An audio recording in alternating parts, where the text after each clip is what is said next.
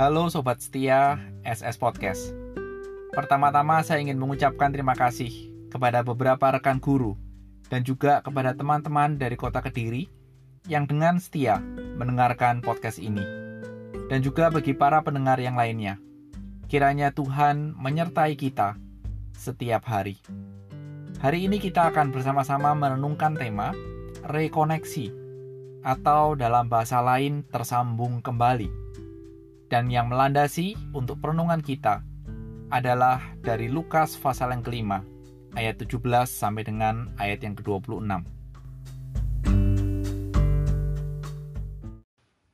Lukas pasal yang kelima ayat 17 sampai dengan 26. Pada suatu hari ketika Yesus mengajar, ada beberapa orang Farisi dan ahli Taurat duduk mendengarkannya. Mereka datang dari semua desa di Galilea dan Yudea dan dari Yerusalem kuasa Tuhan menyertai dia, sehingga ia dapat menyembuhkan orang sakit. Lalu datanglah beberapa orang mengusung seorang lumpuh di atas tempat tidur. Mereka berusaha membawa dia masuk dan meletakkannya di hadapan Yesus.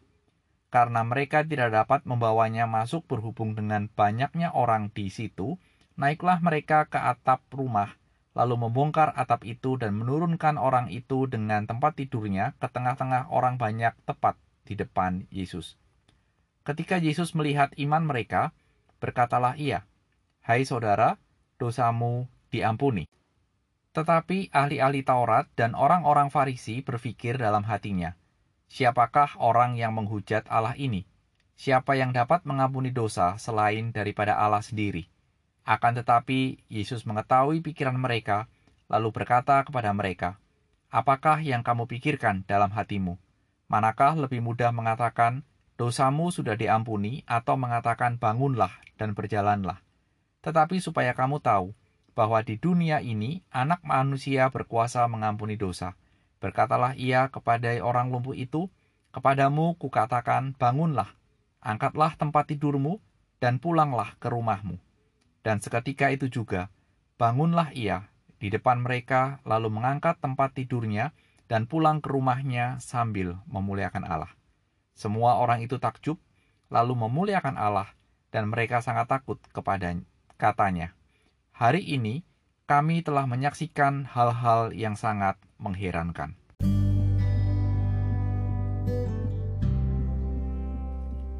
Mari kita berdoa. Tuhan Yesus, bersyukur untuk pemeliharaan dan penyertaan Tuhan dalam hidup ini. Mohon berkat Tuhan secara rohani untuk setiap kami melalui firman-Mu. Demi Yesus Tuhan, amin. Para sobat setia SS Podcast, di zaman kita sekarang ini, abad 21, ketika kita berbicara masalah penyakit, mungkin kita bisa mengelompokkan penyakit menjadi tiga kelompok. Penyakit yang bisa disembuhkan, penyakit yang tidak bisa disembuhkan, dan penyakit yang ada di antara bisa dan tidak. Bagaimana dengan zaman Tuhan Yesus 2000 tahun yang lalu? Kira-kira apakah kondisinya sama dengan kondisi kita? Mungkin kita bisa mengatakan sekarang lebih banyak penyakit yang sudah bisa disembuhkan karena obatnya tersedia. Meskipun kita juga tahu ada penyakit-penyakit yang sampai dengan saat ini obatnya pun belum tersedia. Bagaimana dengan orang lumpuh? apakah ada obatnya atau tidak. Cerita yang baru kita baca dari Injil Lukas menceritakan ketika Tuhan Yesus sedang mengajar, kehadirannya dikerumuni oleh masa yang luar biasa banyak. Sampai di dalam cerita itu dikatakan, ketika empat orang membawa temannya yang lumpuh untuk bertemu Tuhan, mereka gagal. Namun empat orang itu tidak kurang akal. Mereka membongkar atap rumah dan berhasil menurunkan temannya yang lumpuh itu di hadapan Tuhan. Setelah cerita itu, kemudian Lukas menyambung dengan sebuah peristiwa, ketegangan antara Tuhan Yesus dengan orang Farisi. Ketika Lukas mencatat bahwa Tuhan Yesus melihat iman mereka dan mengatakan dosamu diampuni. Dan orang Farisi serta ahli Taurat mempertanyakan hal itu. Lah ini bukannya sebuah penghujatan, karena hanya Allah yang bisa mengampuni. Sobat setia SS Podcast, untuk pengampunan dosa, konsep orang Farisi dan ahli Taurat adalah yang bisa mengampuni hanya Allah saja. Mari kita ingat cerita di dalam Perjanjian Lama bahwa untuk pengampunan dosa melalui imam dan harus ada hewan yang dikorbankan kepada Allah. Maka bila Tuhan Yesus bisa mengampuni, hal itu menunjukkan bahwa Dia adalah Allah. Inilah yang mulai diangkat oleh Lukas dalam kisah ini. Dan cerita itu berlanjut. Karena Tuhan mengetahui pikiran orang Farisi dan ahli Taurat, Tuhan Yesus memberi pilihan. Lebih mudah mana? Mengatakan dosamu diampuni atau bangun dan berjalanlah. Buat orang Farisi dan ahli Taurat, apa yang dikatakan oleh Tuhan Yesus menjadi pilihan yang sulit. Kalau memilih lebih mudah dosa diampuni, maka ketika dituntut bukti, buktinya apa? Mereka sulit memberikan sebuah bukti. Kalau memilih bangun dan berjalanlah, ingat, ini cerita berkaitan dengan orang lumpuh. Orang lumpuh pada zaman itu bukan mengecilkan pengetahuan zaman di saat Tuhan Yesus hadir. Tetapi orang lumpuh dengan pengetahuan dan kemajuan medis sampai saat ini belum tentu bisa disembuhkan. Mungkin presentasi masuk ke dalam sebuah penyakit yang tidak bisa disembuhkan, atau antara bisa dan tidak. Sehingga dua pilihan yang diutarakan oleh Tuhan Yesus dari sudut pandang manusia dalam pengertian orang Farisi dan ahli Taurat sangat sukar atau mustahil.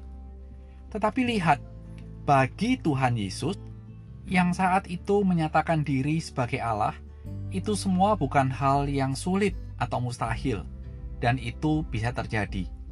Orang lumpuh itu diampuni, disembuhkan, dan kemudian dia yang tadinya diturunkan dari atap rumah sekarang keluar dari rumah itu mungkin dengan berjalan atau berlari.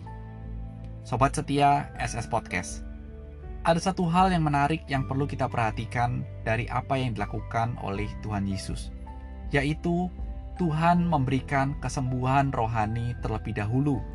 Dan bagi Tuhan, pengampunan dosa menjadi satu hal yang lebih penting dibanding dengan kesembuhan fisik. Setelah Tuhan memberikan pengampunan, setel, maka Tuhan memberikan kesembuhan fisik. Dengan memberikan pengampunan, maka Tuhan mengembalikan relasi atau koneksi seseorang dengan Allah. Apa gunanya ketika seseorang sembuh tetapi koneksi dengan Allah tetap tidak terjalin? Cerita ini kemudian memberikan sebuah gambaran bagi kita. Namun ketika orang banyak itu melihat sekali lagi mujizat yang luar biasa, dikatakan mereka takjub. Dalam bahasa saya adalah terperangah, dan memuliakan Tuhan. Mari kita pertanyakan, ini takjubnya karena dosa diampuni atau lumpuh berjalan? Rasanya kok karena lumpuh berjalan. Dari zaman Tuhan Yesus sampai dengan zaman milenial, mujizat lumpuh berjalan akan menjadi lebih viral bila dibandingkan dengan seseorang yang mengakui dosanya dan mendapat pengampunan dari Tuhan Yesus. Catatan Lukas berhenti di situ. Tidak ada catatan atau informasi yang lebih lanjut yang memberikan sebuah informasi bahwa orang menjadi percaya kepada Allah. Atau dalam bahasa Yohanes, mereka menjadi bertobat. Mereka tidak sakit secara jasmani, tetapi sangat mungkin mereka sakit secara rohani dan memerlukan pengampunan dari Tuhan Yesus, sehingga koneksinya dengan Allah bisa tersambung kembali. Dalam pengertian bahasa telekomunikasi, orang berdosa butuh rekoneksi dengan Allah melalui pengampunan dosa. Sobat setia SS Podcast, kalau saat ini kita menantikan mujizat yang baru atau apa yang akan diperbuat oleh Tuhan, mujizat terhebat yang sudah terjadi bagi diri kita adalah ketika anak Allah mati di kayu salib untuk menebus dosa kita. Oleh karena itu, baik para pendengar yang belum percaya kepada Tuhan, buka hatimu, bertobat, dan terimalah dia sebagai Tuhan dan Juru Selamatmu, sehingga koneksimu dengan Allah tidak terputus dan terjadi rekoneksi. Buat mahasiswa dan alumni FON UPH, calon perawat dan perawat, ingat bahwa pasien yang kalian rawat atau temui bukan saja memerlukan kesembuhan dari sakit jasmaninya, tetapi juga pemulihan relasinya, koneksinya dengan siapa? Tuhan Yesus. Oleh karena itu, kiranya melalui kehadiranmu, tanganmu, perawatanmu, kasih Tuhan boleh mengalir dan dirasakan oleh setiap pasienmu. Bagi profesi lainnya, mohonlah kepada Tuhan, kiranya kehadiran kita, baik di kantor, rumah, kelas, dan lain-lain di mana pun kita berada, boleh menyatakan kasih Allah kepada sesama kita. Akhir kata, Tuhan, pakailah kemampuan dan kehadiran kami sebagai alatmu untuk menyatakan kasih dan pengampunanmu. Amin.